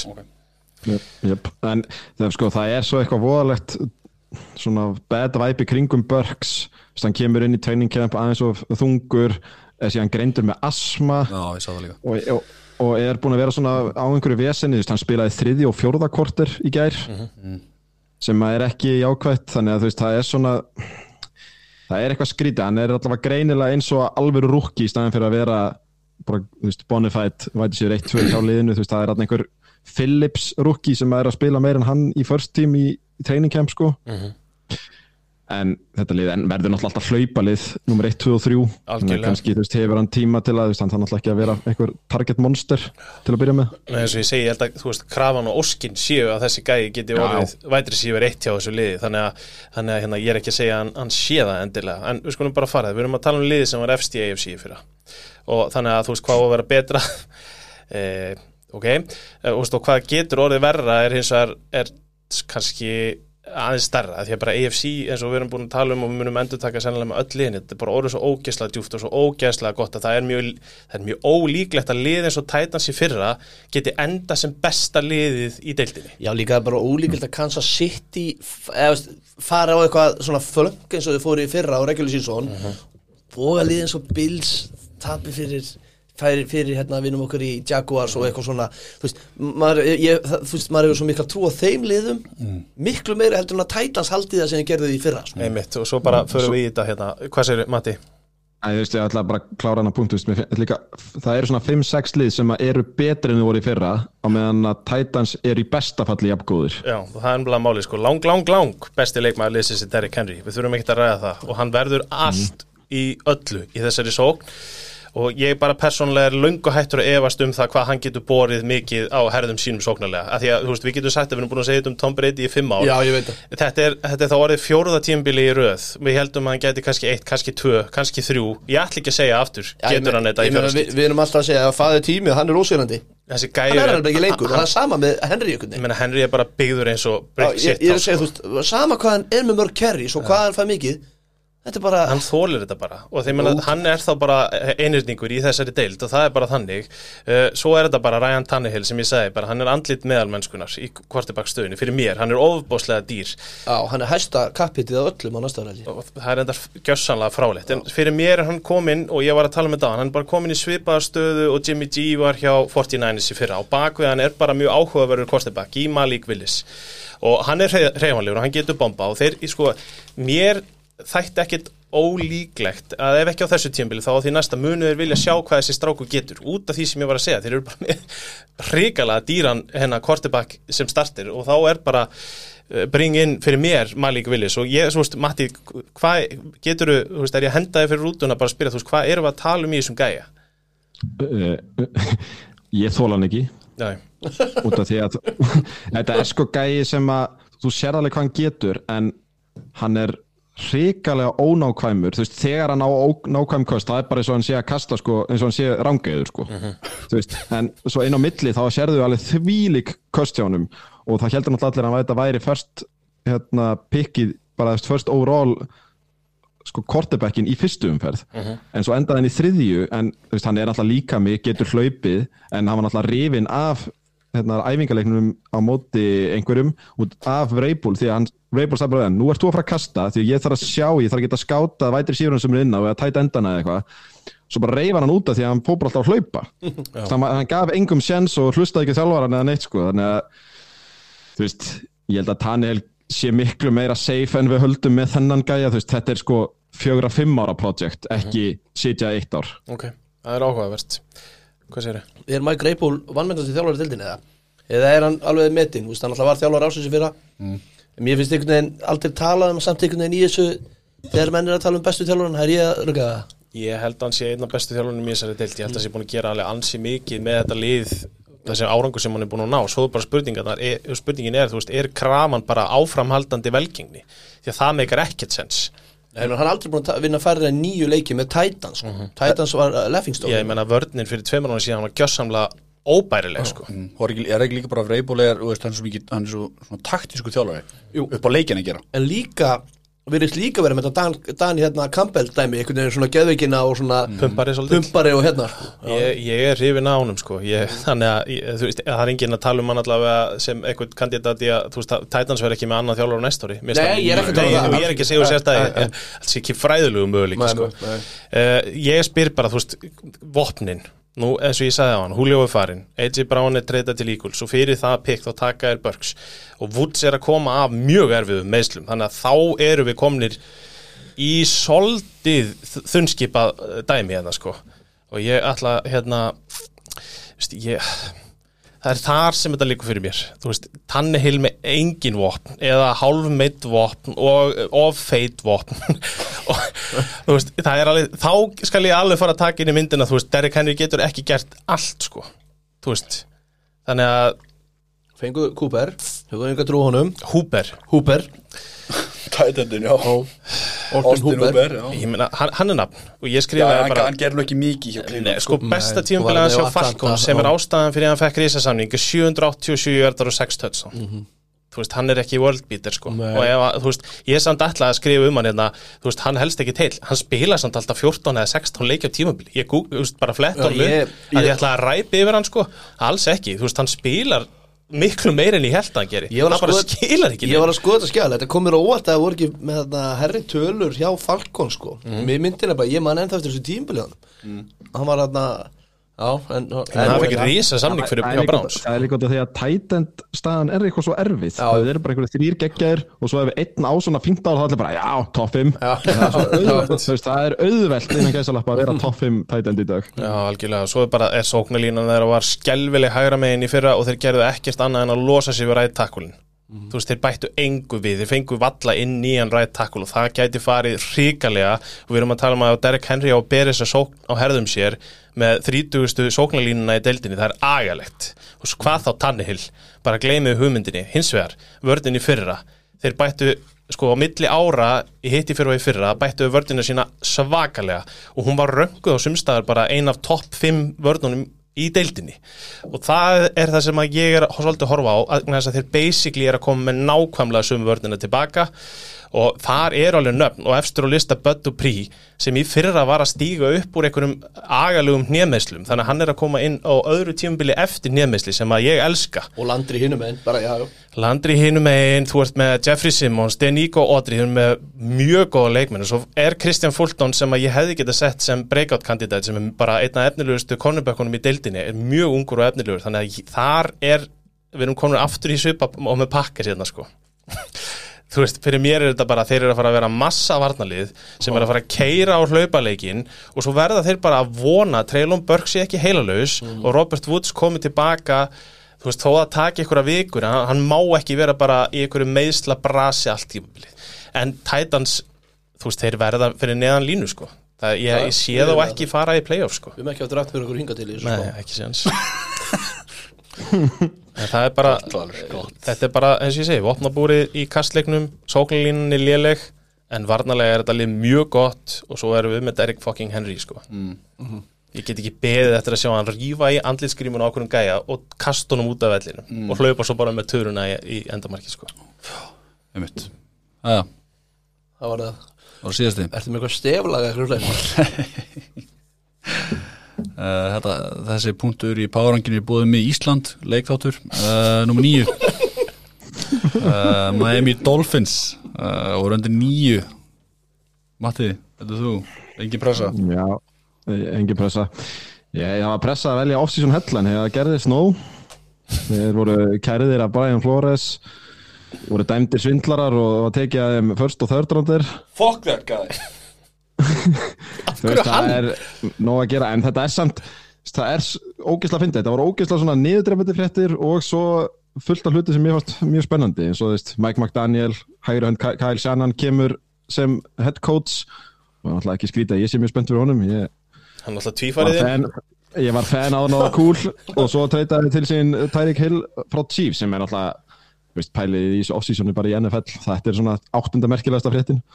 Um, veist, það er hellingur í gangi þarna. Þú veist, það, er- mér finnst svona pínu þ- þegar ég horfa á þetta lið eins og þú veist, ef allt helst heilt þá er þetta alveg ógeðslega spennandi dæmi. Og ef að, þú veist, sóknarskímið virkar túa kemst í gang, það er náttúrulega ég tek hann aðeins á eftir þá er þetta mjög spennandi. Og þú veist, þetta lið getur alveg verið þannig sé spútnik lið ef við viljum titla á þannig út af því að það eru hellingur á nöfnum og það er þú veist, það er stefna þú veist, það er nú ekki alltaf þannig með NFL-liðin ég seti breakout kandidatann Jalen Phillips mér langaði ekki að setja túa, þú veist, það vita allir á ömmu þeirra í hvað stöðu hann er í, hann bara neyðist til að vera breakout kandidat, annars verður hann bara ekki quarterback hjá Miami á næsta ári. Uh, Jalen Phillips, þú veist, þið first round passverðstur eða í fyrra, var með 8 og hálft sakk og þú veist, var betri með hverri vikunni. Þú veist, hann var bara þetta gæi sem að, hérna, eða munið að hættan í college út af heilarhisting eftir bílslis og kom síðan aftur og þú veist var eiginlega besti passverðstur og fengar rosa seint út af þessum spurningamerkjum í kringum hann. Þú veist, ástæðan fyrir að vera góði finnst mér er bara, þú veist, túa er að lúka vel og ef hann heldur því áfram inn í sísonið þá verður þetta mjög skemmtileg sókn, þú veist, þú ert með, með Jalen Waddle sem að sló hérna rookie reception uh, metið í fyrra. Þeir eru með Tyreek Hill hinum einn og þeir eru nánast jafn fljótir að hlaupa sko. Þú ert með Cedric Wilson sem er þriði hérna sem er held ég bara með betri separator í deildinni, það var svolítið sem að þeir tóku fyrir milli ára. Í fyrra held ég e- ekkert vætir síðan hvort verið jafn lélegt í að separata sig. Og núna er þið bara með þrjá gæja sem að ættu að vera opnir mjög mikið fyrir túa þannig að upp á það að gera er ég mjög spenntur. Og, en helsti gallin er klárlega dýftin. Það er engin dýfti í þessu liði fyrst mér.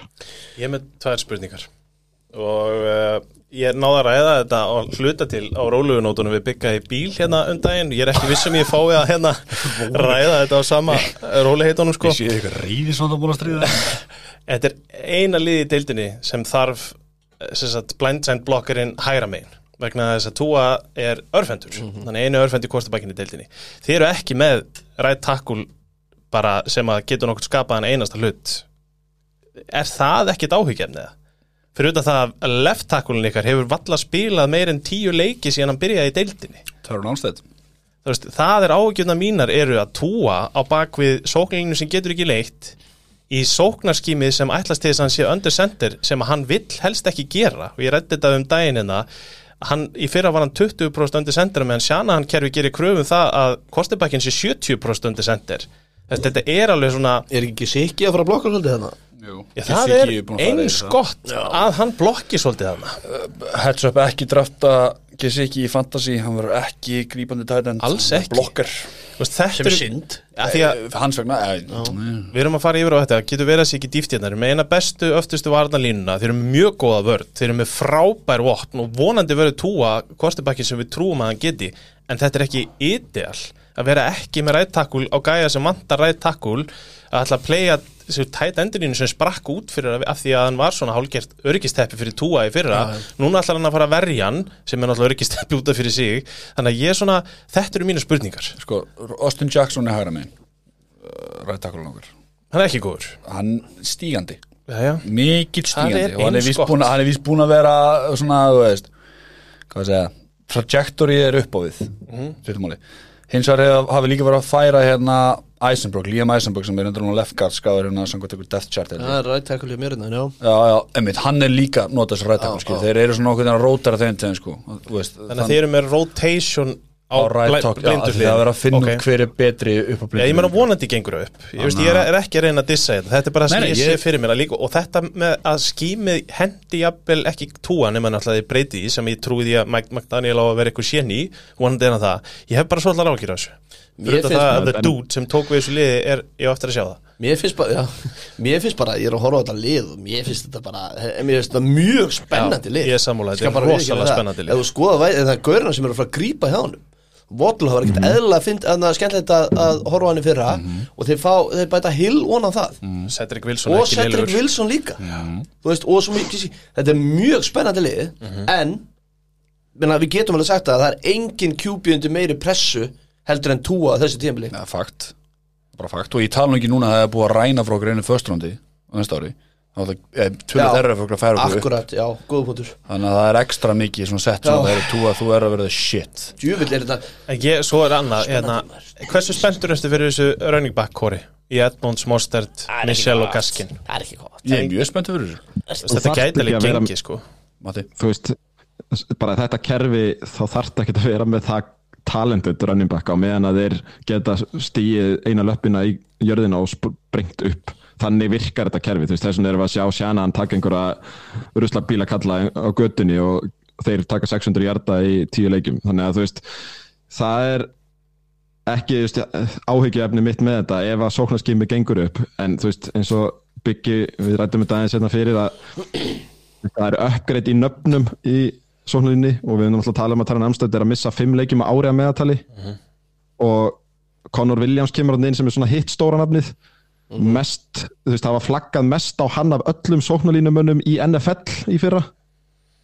Þannig að þú veist, þetta er ennþá spurningamerki í sóknarlína og Tua er náttúrulega ekki það hreifanlegur og það er alltaf verið að reyna að fá hann til að unlocka, þú veist dýbóli sem við sáum oft hjá Alabama. Veist, ég held að hann hefði gert endilega tíman til þess með þessa línu svona um helmingin af leiktíðinni. En sóknarskími náttúrulega eins og við vitum er pínu dependent á after the catch en hann þarf kannski að geta að henda langt og þá held ég að sé ekki að það verið með betra dúo heldur en Hill og Waddle í því að taka after the catch sko. Já, já, Rahim Mostert og Backfield og Chase Edmonds og Backfield er það grínast í mig Það er ótrúlega, sko, það er ótrúlega klókt að sækja Mostert sem þekki kerfið og er bara dettu beint inn í þetta eins og púsl. En ég ætla samt að ég þarf að sjá túa bara skipta algjörlum Já. skím það hefur náttúrulega verið svolítið, svolítið hérna tú hefur svolítið verið svona á heitri pönnu öllu sá, og það er alltaf maður spyrir hvað hva, hvaða væntingar gerir þú til tímulisins ég veist, að því ég þekki þig. Og ég, ég veit bara, þú veist, ég sé náttúrulega svo ógeðslega sterk að það er erfitt fyrir að segja eitthvað, fara eitthvað í hæstu hæðir. En þú verður fyrir vonbröð myndum ekki fyrir play, ef þið Já. myndum ekki fyrir playoffs. Það er mitt, það er það sem ég er að horfa á hérna.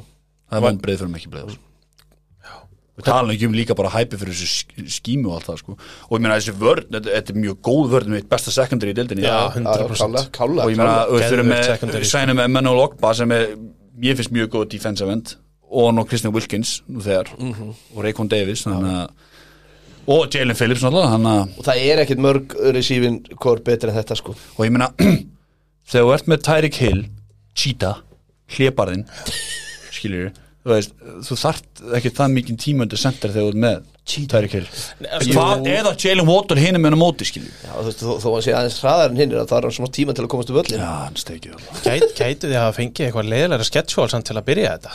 Jesus, ég ætlaði bara svona aðeins að rúlla yfir. Þið eru að fara að vinna fullt af leikjum nefnilega Því að þið eigið sko algjört rusl á miðju tímabili Þið fáið hérna Jets, Vikings, Steelers, Lions, Bears, Browns og Texans í röð. En þið ákveðið líka að byrja á Patriots, Ravens, Bills og Bengals. Þú veist að þú var aldrei tapmúndi Petur, þú veist það ekki? Það var verið 1-3 Þú veist, ég er ekki verið leiðilegur. Svo Nei, kemur nei, náttúrulega rönni þar sem þið verið 8-3 sko Þannig að Ég ætla að segja bara Ég hér get nú. alveg unni Baltimore heima og ég, og ég, ég, ég held að þetta boltimóli sé betur en við gerum okkur ég, nei, ég, ég er mjög hár á hérna, nei það er úti Baltimore, ég var að tala um hérna Buffalo heima. Já. Ég get alveg unni Buffalo heima. Það sem er fyrir að Það gerast segir er, sig. við vinnum Buffalo, Já. við vinnum Patriots. Já, Ég held- tapið fyrir ég held- Baltimore og Bengals. Ég held við vinnum Bengals, Já, ok já. ég er alveg þar. Ég held, ég held að þetta sé alveg 50-50 leikur Ég held að sé allir þessi leikir eru 50-50 Nei, Ég við, held að að- að eins skítum móti góðir- Baltimore sko. Eru- Já, ég heldur Já, ég En ef þið, ef þið eru eins góðir og við trúum því að þið séu Því Mm. mann er bara í massa barátum að komast í play-offs þá, þá eru líka náttúrulega dúlla að fá Patriots og Jets í síðustu tveim til að reyna að koma þér í play-offs. Svo fyrst við erum byrjað á skellunum þá er náttúrulega síðustu sex á móti Frisco, Chargers, Buffalo og Packers sko. Það er óþægilegt. Þetta er alveg áhugaverð sketsjón Þetta er skemmtilegt þetta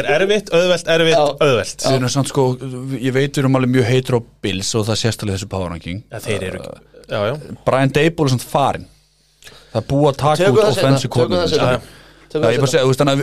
það er fullt, þú veist, ég er yngar ákveð Dolphins er alveg legit lið sem ég er að fara að fylgjast með. Ég er og það hefur ekkert með bygg að gera. 100% Þetta er- samanlega. Þetta er frábærlega sagði, og það er svo marga sögulínur þú veist, Hill komin með nýjan QB er túa nógu góður fyrir þetta? Þetta er svo, þetta er svo margt sem er svona skemmtilegt að fylgjast með þarna. Nýji coachinn Við uppum þessu til eigist aftur. Aloha Já, sko, eina sem að mig grunar og ég vona að byggja sér tilbúin fyrir það það verður held ég, ég hef sagt þetta áður mér finnst Túa og Jimmy eitthvað svo líkir hvernig þeir spila. Hann áttur að þurfa að heyra það hvað Túa er umölugur þó að hann sé topp 5 í 8 af 10 mikilvægastu tölfræði greinum QB hann sko. Það er bara, ég bara vona sér tilbúin Það veit ég hvert ég leita. Heilstæðir Ég er komið með nú- ég er með númerið. Ég þér, Já, ég hef yngar ákveðar Nei, þetta er eitt af meira spennandi liðum í deildinni. Það er mér raunin átt að vera í þætt, næsta þætti okkur Nei, það er bara að segja bara hvað EFC er sterk sko. þetta er ekkert á liðin Já, sem já. eru núna. Það En- er bara þannig. En ég slekk nú aðeins á þessum hérna brandarakallímiruna en að þú erum búin að ranka hérna Peters og Stíles fyrir neðan og þú veist, það eru Já, það er að segja það, rís þú og það við vorum að tala um þetta fyrir þátt að við vorum svona þessi lið, Já. öll þessi lið væru svona milli níu og Sek, fimm Nei, 9 og 6 myndi ég segja Í já. NFC. já, já, í NFC, já, já, Já, fyrir utan það, við, við rættum valla hvernig skiptingin á milli, hérna, hvernig við rönguðum Nei, nei. persónlega vegna þess að það var ekkert til að tala um hérna bara vitum við, þú veist, ég með Titans hátt uppi eru með Titans látt nýri, þú veist, þetta er bara við höfum bara mismunandi skoðanir á þessum dóti og þetta er alveg áhugavert, þetta flögt hérna í wildcard race, það verður race Já. hérna, Já, sko ó Vá, Þannig ég að það sé alveg séð, sko. Ég er spenntur fyrir velkart þessu Já. EFC þú veist, ef við tökum bara wildcard-reysið þá gæti þetta verið 1, 2, 3 þetta getur verið sjö lið ef við tökum stílas inn í það að berjast um wildcard-sæti. Og það er niður í 13 sko. 13. það er þrjú sko. lið sem er á botninum. Þetta er að byrja gott fólk, þetta er að byrja. Þetta er náttúrulega að byrja, shit. sko. Já, Alright, yes. Það var lokið Já, Fyrstu nýju Búin Nei, fyrstu nýju Fór 16. nýju Búið, sorry. Eitthvað svona bæta við það Ég raunin ekki, bara hérna. Ég var að taka Titans aftur. Hérna Allan að búinir að kóra þetta. Kjælusundi Tók sem tíma. Enda mikið að fara yfir. Algjörlega, bara like and subscribe. Fullt af Tekja okkur á Instagram, tekja okkur á Twitter, tekja okkur á Facebook. Segja við erum ykkar sem byrjar aftur. Já, og svo kannski, tölgu, að því að við vorum að tala um það fyrir þátt, það verður einhverjar, einhverjar uh, fantasy-deildir og það verður uh, brasa okkur. já, já, það er bara Við klárum, klárum þessa yfir í vikunni eða ekki. Jú. Svo eigum við eftir NFL 101 sem er í harðri vinnu, við erum að fara í fantasy-pakkan sem er náttúrulega geðveikislega skemmtilegur, þar fær valur kontrólerinn, heið árlegi, þannig að hérna, verið með okkur. Er er Herru, Takk fyrir að hlusta Hvað, hvað, hvað? Það endur þetta fór svona. Hvað er þú að gera? Ég ætla að setja lag á. Ert þú bara alltaf tengdur á bluetooth það? Já, Mm, skemmtilegt. Á að vera það. Kalli kom ykkur á nóttinu hérna og bara lærði á þess að græði Tók bara, tók bara manjólin heim bara að vera að glósa það. Ég ætla, ég ætla ekki að spyrja matta sko. Hann kemur alltaf með eitthvað Já. raskat bara. Já, einmitt, eitthvað sem eitthvað, eitthvað þýskur uh, underground DJ er að mixa og með all- alla 15 hlustanir Ég var að koma bara aftur með Ramstein eða? Nei, bara hér að Nei, ekki aftur sama. Bara kóla mér óvart, En allan að kærlustandi, ég þakka því að kærlega fyrir hlusta minni á NSI Já, Þáttum sem tókum áður, Já. eins og ég nefndi í byrjun. Fullt framöndan hjá okkur. Bara þegar þú ert tilbúin, kallum minn Þá bara hætti ég að babla hérna og...